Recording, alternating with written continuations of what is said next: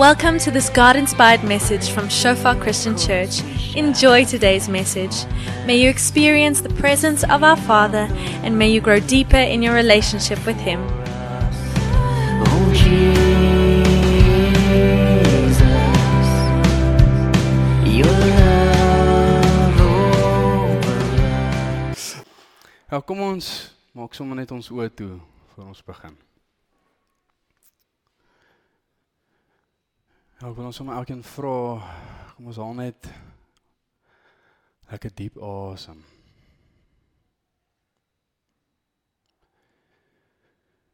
Ja, ja Here, ons of U dankie sê Here dat Ja, dat U ons onderhou Here. Dankie dat dit U U asem is, Here. Ek dat ons so bymekaar kan wees, Here, en soos die liedjies ook sing het, Here, wie is daar, Here, soos U? Dankie Here dat ons hierdie voorreg het, Here, om U te kan ken. Ja, Here, ons bid sommer net teen enige ja, distraction, goed wat ons besig hou, goed wat deur ons kop maal. Bid Here dat ons Ja, dit vir fokus, Here. Bid dat ons oop harte sal hê, Here, vir wat U wil bring. Dankie dat U ons nooit los, Here. Op 'n plek, Here, waar ons half passief is, nie, Here, maar dankie dat U altyd aan ons wil werk, Here. Dankie dat dit U wil is, Here, dat ons heilig gemaak wil word, Here. En ons ja, ons bid, Here, dat die woord vandag, Here, dat ons dit ter harte sal neem, Here. Ons maak ons harte oop vir wat U wil bring in Jesus naam. Amen. Wonderlik. So ek um, gaan vandag bietjie aangaan op ons reeks waarmee ons besig is. Dis soos Wian gesê het 1 en 2 Timoteus en Titus en ek wil amper net vra die mense wat laasweekie was, wil julle net vir my so bietjie vashou. Ek wil net so half weer 'n introduction gee in ons reeks. Dit is vir ons belangrik. En dan gaan ek net so bietjie recap want ons is besig om te werk deur die eerste deel van 1 Timoteus 1 waar Paulus 'n klomp bekommernisse aanspreek en ek wil half ook net daai eerste 3 net so vinnig weer recap. So hierdie reeks waarmee ons besig is, ek gaan dit vinnig doen, vinniger as laasweek, so moenie worry. Maar dit gaan oor dit word ook genoem die pastorale briewe. Dit dit leer ons hoe om goed om te gee, hoe om goed lief te hê en uh hoe om goed ander te lei. En uh, dit beteken nie dat as jy nie 'n pastoor is dan dan hoef jy nou nie te luister nie. Die dag toe ons vir Jesus gesê het ons wil hom volg, wil ons groei, nê, nee, in ons pastorale bediening. Ons wil groei in al ons gawes, ehm um, soos evangelisasie, lering ensovoorts, maar ons wil graag ook groei in ons pastorale bediening. As ons beter kan verstaan hoe lyk dit om mense lief te hê, mense om jou te lei, dan kan ons ook beter 'n leier ondersteun. OK, so wanneer ons volg, dan kan ons beter ondersteun, hè. Ons kan ook beter valse leraars uitken. Want dan verstaan ons hoe lyk dit? Hoe lyk die leier se werk? Amen. Hoe lyk die die ou wat wat lei se werk? En ons elkeen is ook in 'n mate aangestel oor iemand. Nee, ons is nie net ons onsself nie. Ons ons gaan of dit nou by die werk is en of dit nou in jou huishouding is en of dit nou 'n selgroep is en of dit nou 'n kerk is, is besig om iemand te lei, nê, en iemand om um, te ondersteun in 'n sens. En daarom kan ons ook beter ondersteun, soos wat Handelinge 20 sê. Dit sê daar gaan wrede wolwe wees. Letterlik die Afrikaanse vertaling sê dit wat wat gaan indring en wat nie vir die kudde gaan omgee nie, nê, nee, vir die skape. Ehm um, daar gaan daar gaan valse leraars wees en ons moet hulle ehm um, kan ken. Ons moet kan sien wanneer iemand valse goed bring. OK, en die hoof temas van hierdie 3 boeke is eerstens dit beklemtoon gesonde leer. So en laasweek was dit nou Engels, maar sound doctrine, hè. Dit beklemtoon werklik dat ons gesonde leer leer. Wanneer daar iets weggevat word van Jesus, wanneer daar iets is wat ek moet doen om gered te word, enige sulke sulke tipe goeters is valse lering, né? Nee? Ons kan bietjie ook praat oor gesonde lering as jy wonder wat is werklik gesonde lering kom praat met ons. Dit sal lekker wees. Maar dit is basies die evangelie. Jesus is God. Hy het vir ons gesterf, nê? Nee, deur genade alleen is ons gered. Dit lig um, en deel ook baie lig oor kerkadministrasie. Dit praat oor jong vroue, ou vroue, jong mans, ou ou mans, hoe wie kan nou ouderlinge wees? Ehm um, hoe doen ons berading? Daai tipe goeters ons gaan daarbey ook uitkom. En dan laastens hierdie boeke eis 'n gewyde lewe en dan vra dit kan ek gesonde leer leer soos ken maar korrup wees in praktyk, nê, nee, sondig. Ons almal is sondig, maar ek bedoel 'n sondige lewe, 'n korrupte lewe leef. En ons gaan 'n bietjie verder daaroor gesels. So hierdie as ons 'n bietjie fokus oor die deel waaroor ons vandag praat, wat gaan oor bekommernisse vir pastorale bediening, net so 'n bietjie om te verduidelik. Paulus is hierso besig om te skryf vir Timoteus wat 'n paar kerke oorsien, nê. Hy sien sekere um, bekommernisse, sekere probleme in hierdie kerke en hy is besig om dit te adresseer, veral in die eerste paar verse. Net ons het laasweek net 4 verse gedoen en ons het 3 bekommernisse kon uitken. Vandag hanteer ons weer 3 verse waar ons weer so 'n bietjie gaan kyk na daai derde bekommernis, maar die vraag wat wat Paulus werklik vra deur hierdie bekommernisse is soos wat is ek besig om te prioritiseer? Dit is soos as daar iets is wat jy vandag kan onthou, is dit wat Paulus vra. Hy vra wat is ons besig om te prioritiseer in ons lewe? Wat is jou doelwit? Is dit 'n Bybelse doelwit? En dan is jy besig om hierdie doelwit te prioritiseer. Want as jy hom nie prioritiseer nie, gaan jy van hom weet, maar jy gaan hom ook mis, nê? Nee? So as ons nie doelbewus loop en dit wat die Here vir ons beplan nie, dan is ons inderwaarheid besig om af te dwaal. Wat is jy besig om te prioritiseer want dit wat jy prioritiseer, dit sal jy ook mee besig wees. Amen. En dit is ook die vrug wat jy sal dra. So hy hy hy noem hierdie 5 kritieke bekommernisse en hierdie bekommernisse is is problematies. Ons kan nie ons as ons as ons in hierdie lokvalle val wat Paulus adresseer, dan gaan ons baie sukkel of glad nie groei in ons geestelike volwassenheid nie. Ons gaan nie geestelik volwasse word nie. In 2 Timoteus 3 praat Paulus bietjie later met Timoteus en dan sê hy die volgende en ek wil hê ons moet mooi luister, is nogal is nogal woelig. Maar hy sê die volgende, hy sê dit moet jy weet. In die laaste dae sal daar swaar tye kom. Hy sê die mense sal selfsugtig wees, geldgierig, grootpraterig, verwaand, beledigend teenoor medemense en ongehoorsaam aan hulle ouers. Ondankbaar en ongodsdienstig, hulle sal liefdeloos en onversoenlik wees, kwaadpraters, bandeloos en wreed, sonder liefde vir die goeie. Hulle sal verraaiers wees, roekeloos, hooghartig. Hulle sal eerder liefde vir genot hê as liefde vir God. Hulle sal nog die uiterlike skyn van godsdiens hê. Maar die krag van die godsdiens sal hulle nie ken nie. Hulle sal 'n uiterlike skyn hê alhoewel hierdie hulle harte is en ek is nie besig om te sê ons val almal in hierdie nie. Maar ek vra die vraag. Dit is wat die vraag wat Paulus vra.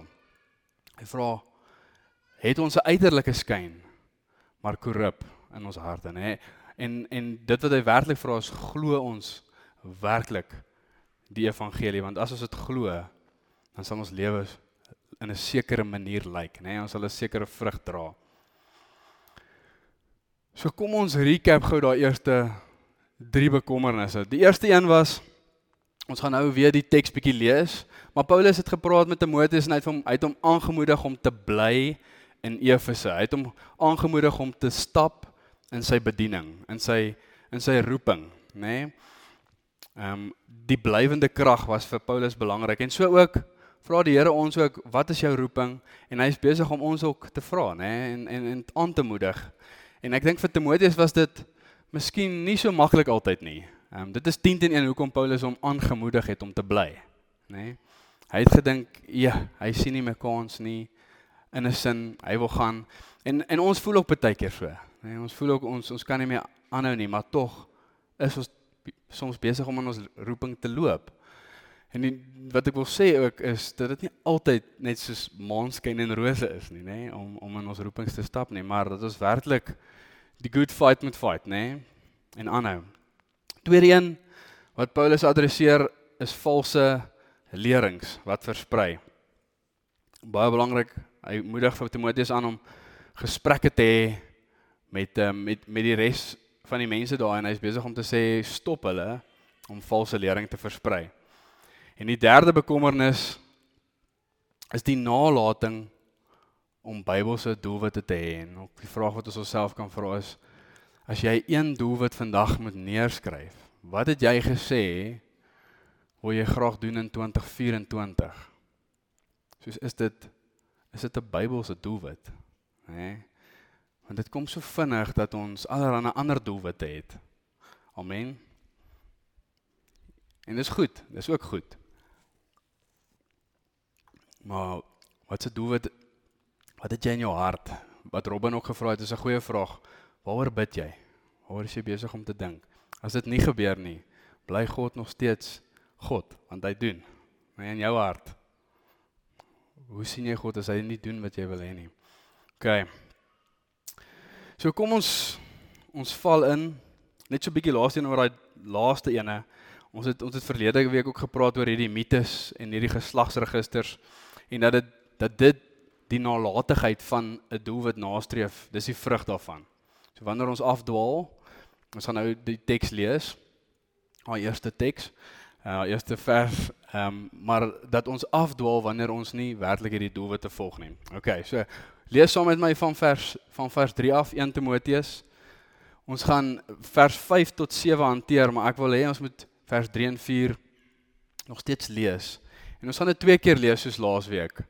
En ek wil hê jy moet so baie as moontlik wat jy kan uit hierdie uitvat. Wanneer wanneer ons hier deurwerk, kyk werklik wat sê wat sê die teks? Wat wat kan jy leer nog voor ons daaroor praat?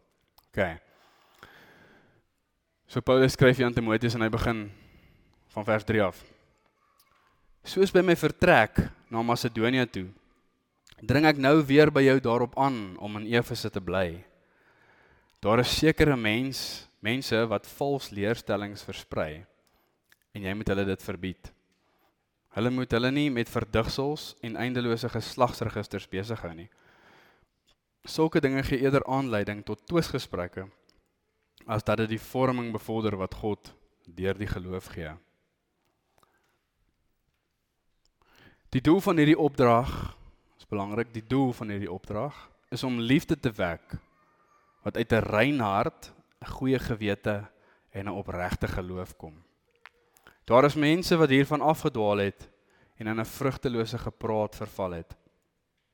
Hulle wil leermeesters wees, leermeesters in die wet wees, maar hulle verstaan nie hulle eie woorde of die dinge waaroor hulle so self versekerd praat nie.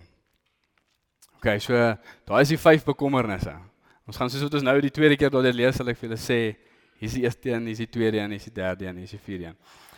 Maar dan gaan ons lekker stadig daardeur werk. Ons gaan nie die eerste twee aanraak nie. Ons gaan 3, 4 en 5 weer so 'n bietjie kyk na. OK, so weer van vers 3 af. So Paulus sê hierso, soos by my vertrek na Macedonië toe trek dring ek nou weer by jou daarop aan om in Efese te bly. Dis daai eerste deel waar hy sê Timoteus moet bly. Hy hy hy vra vir hom, hy moedig hom aan om te bly in Efese. Daar is sekere mense wat vals leerstellings versprei en jy moet hulle dit verbied. Dis die tweede een. Hulle moet hulle nie met verdigsels en eindelose geslagsregisters besig hou nie. Sulke dinge gee eerder aanleiding tot twisgesprekke as dat dit die vorming bevorder wat God deur die geloof gee. Ons begin nou by die derde een.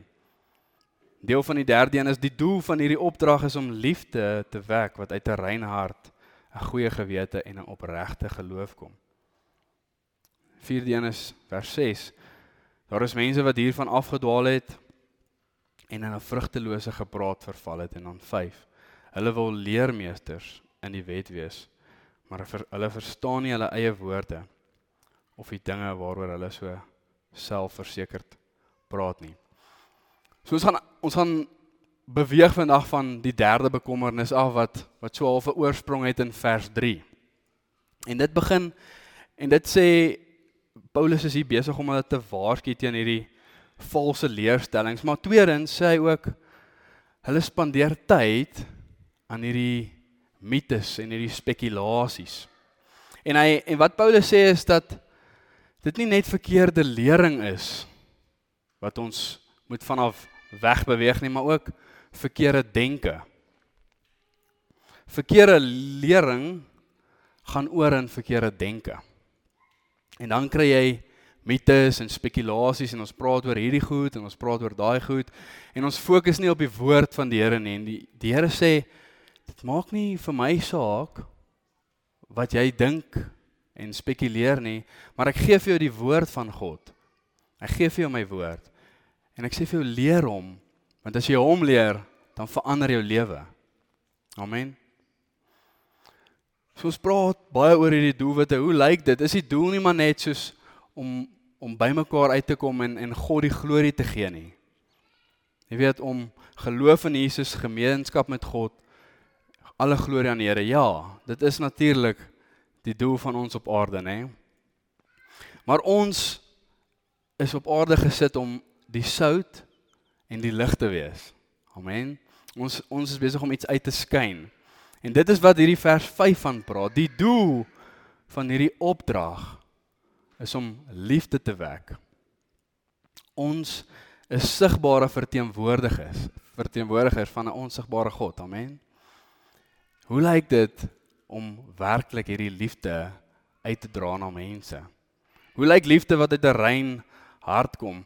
Want as ons hierdie teks lees, dan lyk dit amper asof Paulus wil Paulus ons wil piets. Dit lyk amper negatief, né? Nee, dit klink hy sê moenie dit doen nie. Moenie tyd mors op hierdie mites nie. Moenie valse leerstellings leer nie, maar eerder hierdie negatiewe impliseer ook die positiewe, né? Dit sê hy sê eintlik inderwaarheid gaan gaan leer dan gesonde leerstellings. En gaan beoefen dan 'n lewende geloof wat uit liefde wek. En dis die doel, né? Dit dit sal 'n goeie doelwit wees, né? En dit is half so tweevoudig. Die eerste een om die evangelie te bevorder in die naam van Jesus op 'n met goeie lering uit te dra. Maar tweedens om 'n liefde te hê. 'n Liefde wat uit 'n rein hart kom, 'n goeie gewete en opregte geloof. Wanneer ons so 'n paar maande terug, toe ons so 'n paar maande terug gepraat het oor die doel van die kerk, toe sê ons love God, love people and reach the world, né? Nee? Hierdie liefde doen dit. Wanneer ons hierdie liefde uitstraal, dan is ons lief vir God. Ons is lief vir mense en ons deel die evangelie. En dan daai groot vraag wat ons nou nog gevra het. Kan ons gesonde leer in Engels sound doctrine hê, maar korrup in praktyk? Maar slegte vrug dra. Nou dis 'n goeie vraag, maar jy kan nie as jy hierdie gesonde leer ter harte geneem het nie. Dis voor van hierdie praat 'n rein hart, nê? En neem jy die Bybel is net 'n plain vraag, neem jy die Bybel ernstig op? Jy weet, glo jy werklik dat Jesus vir jou gesterf het? Glo jy werklik dat jy deur genade alleen gered is en dat As jy dit glo, dan maak dit baie saak wat die Bybel sê. En dan gaan ons hierdie dinge doen. Ek het nou vir myself gesterf. En nou leef ek vir Jesus. En dan kry ons hierdie liefde wat uit 'n rein hart, 'n goeie gewete en opregte geloof kom. Dis die resultaat van opregte liefde.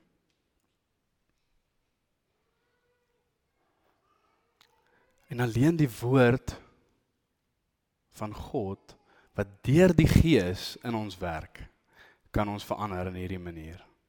Net deur die Heilige Gees, deur die woord van die Here. Deur niks anders nie. Ek soos Wian baie keer sê, ons gaan nie opstaan eendag en sê, "Ja, jy weet ek wil graag meer lief wees vir my vrou" en boem, daar's ek meer lief vir my vrou nie. Nee, dis nie hoe dit werk nie, nê. Dit dit kom deur tyd te spandeer by die Here deur die werk van die Heilige Gees. Ons gaan nou so 'n bietjie meer vleis daarom sit. As ons dink aan 'n sondaar wat gered word, is dit 'n 'n goeie vergelyking wat ons hier kan trek. Wanneer 'n sondaar gered word, dan sien ons in Johannes 3, dan sê Jesus vir Nikodemus dat jy moet wedergebore word, nê? Nee?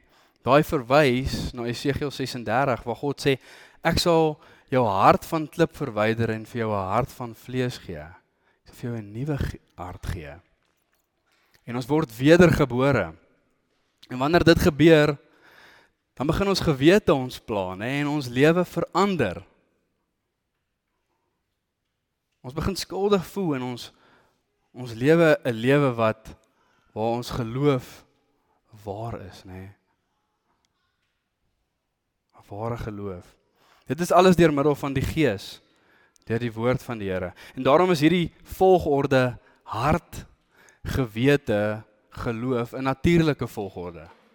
Dis natuurlik. Dit is wat gebeur wanneer ons gered word, nê. Nee.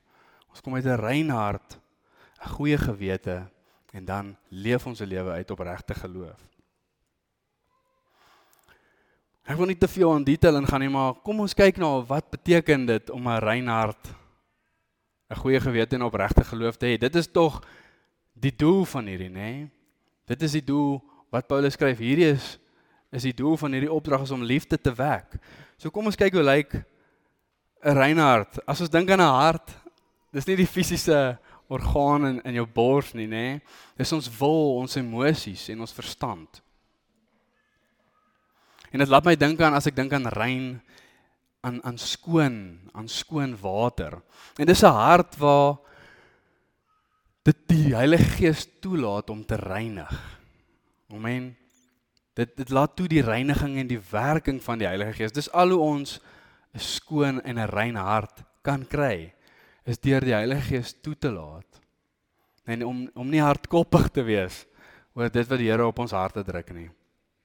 Wanneer die Here vir ons dinge wys, laat ons toe dat die Heilige Gees in ons werk. Laat my ook dink aan motiewe wat ooreenstem met iemand se dade, nê. Het nie 'n 'n agteraf motief agter dit wat hy doen of dit wat hy sê nie, maar dit is dieselfde. Sy motiewe stem oor, stem ooreen met sy optrede. Hoe lyk 'n goeie gewete? Wel goed is nogals 'n relatiewe term, nê. Nee. Maar weer eens gemeet aan die woord van die Here. Nee, hoe lyk 'n goeie gewete? Is, 'n gewete wat 'n 'n Bybelse stel standaarde en norme het. Amen. Sensitief vir sonde, nê? Bekeer vinnig. As ons 'n as ons 'n skuldige gewete het, dan dan voel ons skuldig oor iets wat ons gedoen het. Wanneer ons dit aan die lig bring, dan het ons 'n goeie gewete. So hierdie gee ons al 'n goeie idee van hoe lyk hierdie liefde wat die opdrag is. Dit is 'n liefde wat toelaat dat die Heilige Gees in ons harte werk en wat vinnig bekeer.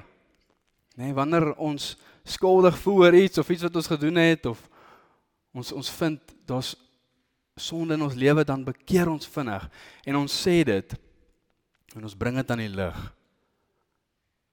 aan iemand wat ons liefhet of Eh, ek ek sê altyd accountability partner, nê? Nee? En om die vraag te vra wanneer daar sonde is in in jou lewe is is dit wat jy doen. Nooi jy die Heilige Gees in en en bekeer vinnig en en deel dit met mense en bring dit aan die lig sodat ons genesing kan ontvang. Dit is hoe hierdie liefde lyk. Dis die doel. Ek wil amper sê dis die doel van al hierdie boeke is hierdie ons heiligmaking. Dis hoe ons heilig gemaak word Dis ons genesing ontvang. Dis die werking van die Gees en ons wat vinnig bely en dit aan die lig bring. En laastens opregte geloof, iets waaroor Kaal ook vanoggend gedeel het. Hierdie is fundamenteel die geloof wat ons het in Jesus.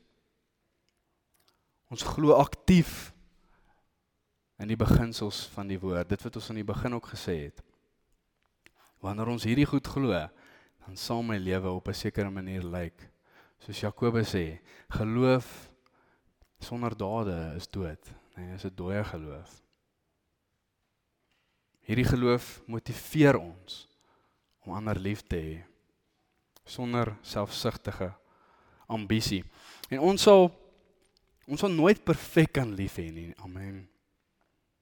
Ons is sondige mense. Maar natuurlik ons moet streef om elke dag meer te groei om soos Jesus te lyk. En die vraagie is, is daai derde bekommernis wat vra is jy is, is jy besig om na te laat, die derde nalatiging om Bybelse doelwitte te hê. Waar is jy besig om na te laat om Bybelse doelwitte te hê? Om werklik lief te hê met 'n rein hart en 'n goeie gewete en opregte geloof is nie maklik nie. Maar as ons bly in daai plek sonder om te beweeg, soos wat die woord ook vanoggend ons aangemoedig het om te doen, dan gaan ons net bly in daai plek. Jakobus wat sê bely julle sondes en bid vir mekaar want die gebed van 'n regverdige is kragtig want dit werk. Dis letterlik wat die woord sê, nê? Om saam met mekaar te bid om dit aan die lig te bring. Kry iemand om jou onspreeklik te hou. Bid saam met mekaar. Dis eintlik so maklik. Is dit nie? Is ons besig om na te laat om Bybelse doelwitte te hê. Ons gaan beweeg na nommer 4 toe.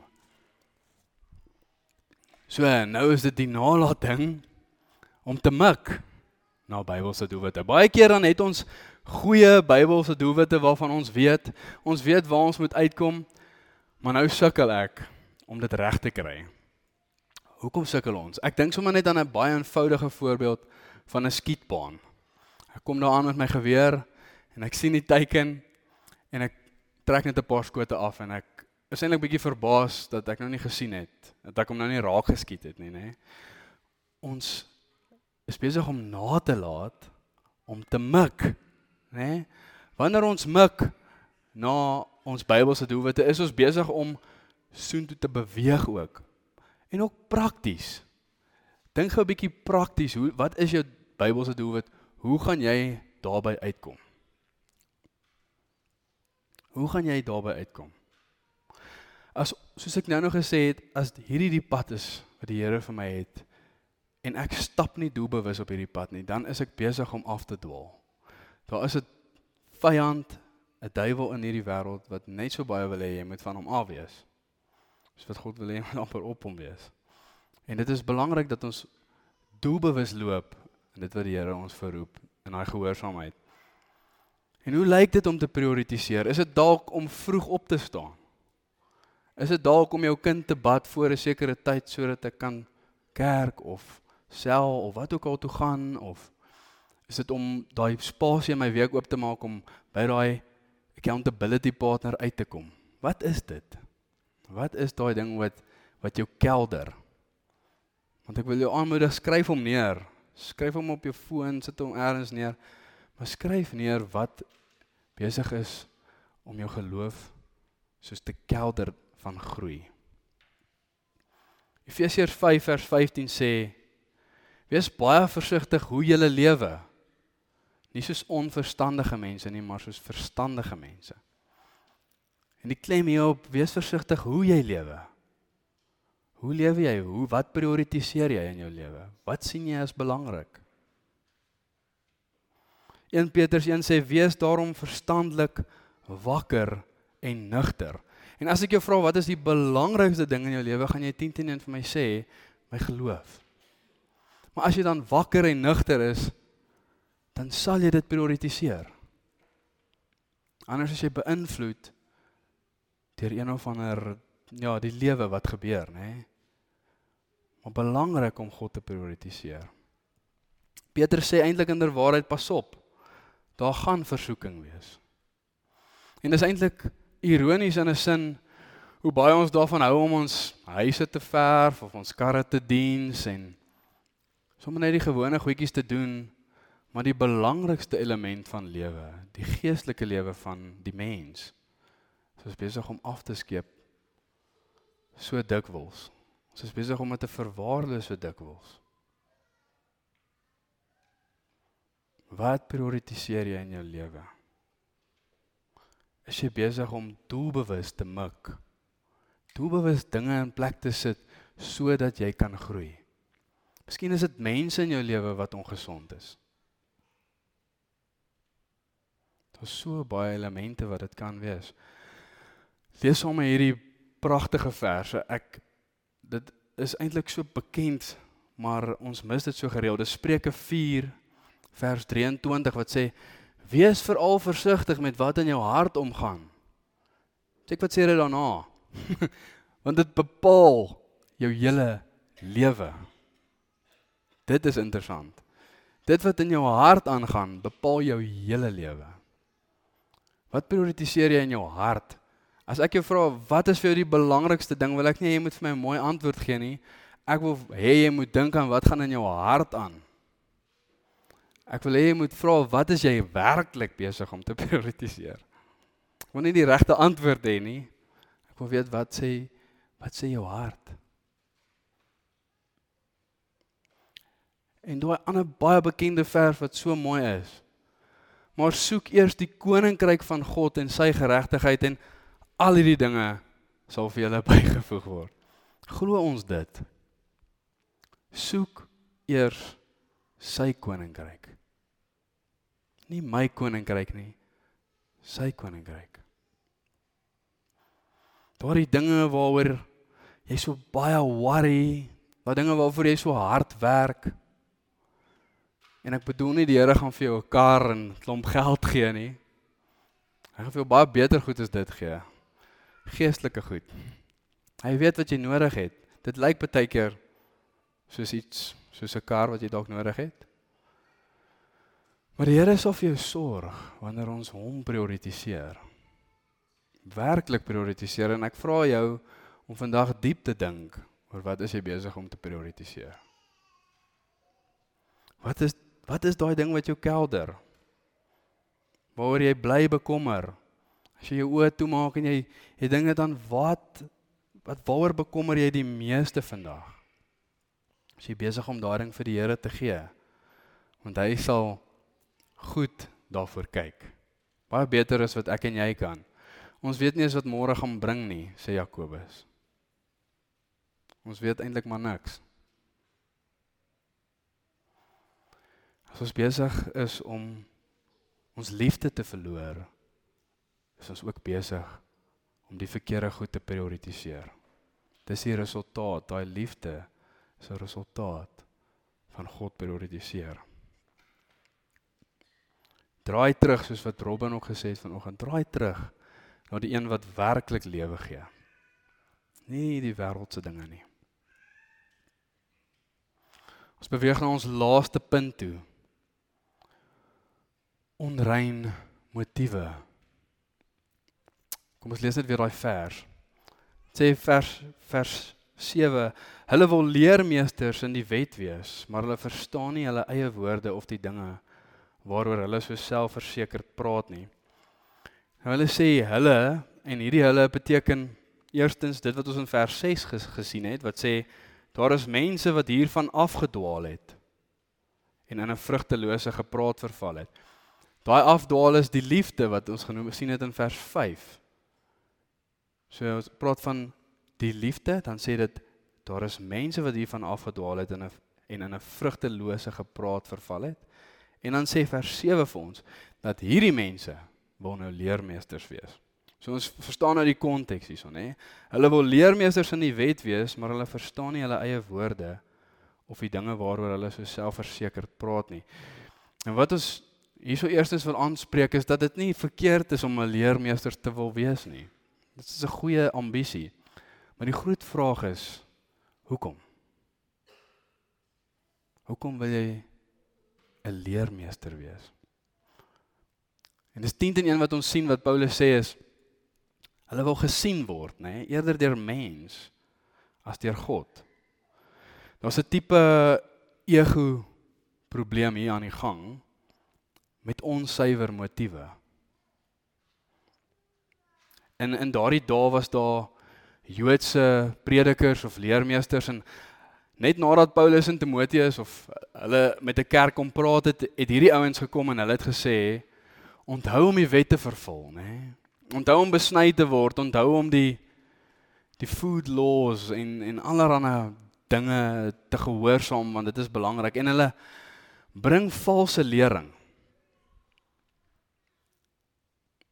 Jy moet besny word en die voedselwette en hulle leer die verkeerde dinge omdat hulle graag iets wil sê.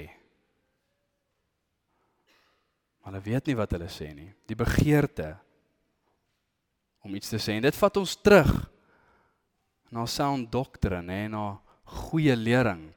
Wanneer ons iets ontvang wat nie wat nie Jesus oplig nie, dan moet ons 'n rooi lig sien, hè. Wanneer ons sien dat Jesus bietjie minder gemaak word, miskien en mens bietjie meer, so dit gereeld sien in in ander gelowe, ek moet ietsie doen om gered te word, vals lering. Niks wat ek kan doen nie, maar net deur Jesus. Groen lig, nê? Nee. Goeie lering. En hoe gevaarlik kan dit nie wees wat Paulus ook probeer sê wanneer iemand lering gee maar hulle identiteit vind in wat mense dink. En ek wil jou vra, jy kan 10 teen 1 dink aan 'n klomp mense wat so is, nê? Nee? Dink aan iemand by die werk. Kan dalk ewen dink aan iemand in jou familie wat altyd ietsie wil sê, ietsie wil hoor dat hulle oulik is, maar dis nie die doel nie. Die doel is is dit jy. Dis wat ons vandag wil doen. Ons wil vandag vra, het ek 'n behoefte om baie keer iets te sê wat nie van die Here af is nie. Jy weet, ek wil half aanvaarding kry by mense. Dis 'n onrein motief. Ek wil geprys word.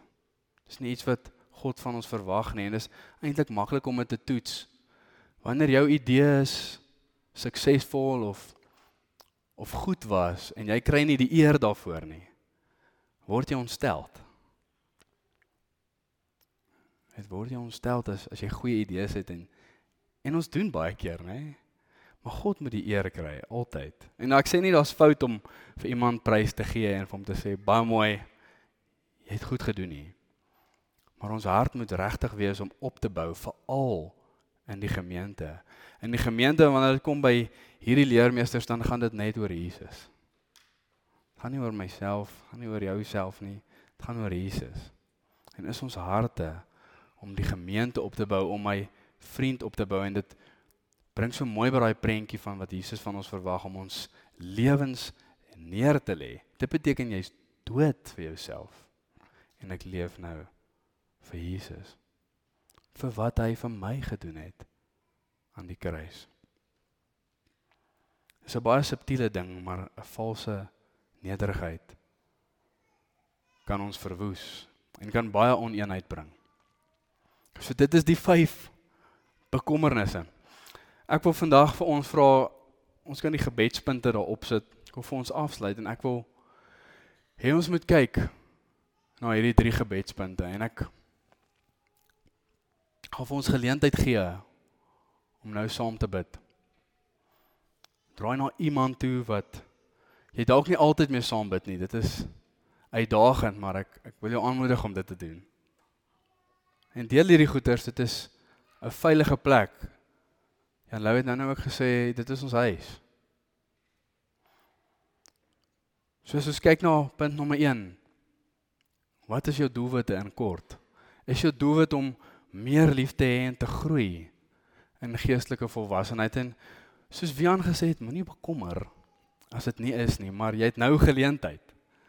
God is die een wat nou nader kom. Besluit intentioneel om dit te prioritiseer. Wat die tweede punt is, hoe gaan jy by daai doelwit uitkom? En ek wil hê jy moet daardeur bid en jy kan met die persoon langs jou daaroor praat. Hoe gaan ons by hierdie doelwitte uitkom? en dink prakties daaroor. Is dit is dit 'n vroeg opstaan ding? Is dit 'n beter beplan ding? Wat is dit wat my kelder? Is dit verkeerde vriende, wat ook al dit mag wees? En laastens Is daar 'n begeerte in jou hart om deur mense gehoor en gesien te word en ek vind baie keer in spesifiek hierdie uitkom wanneer ons tussen familie is. Dit is nog moeiliker wanneer ons tussen ander familie en tussen jou broer en jou suster. Is daar iets wat jy wil voel jy jy soek bietjie prys in een of ander sin? So ek gaan ons tyd gee. Ek wil hê ons moet na mekaar toe draai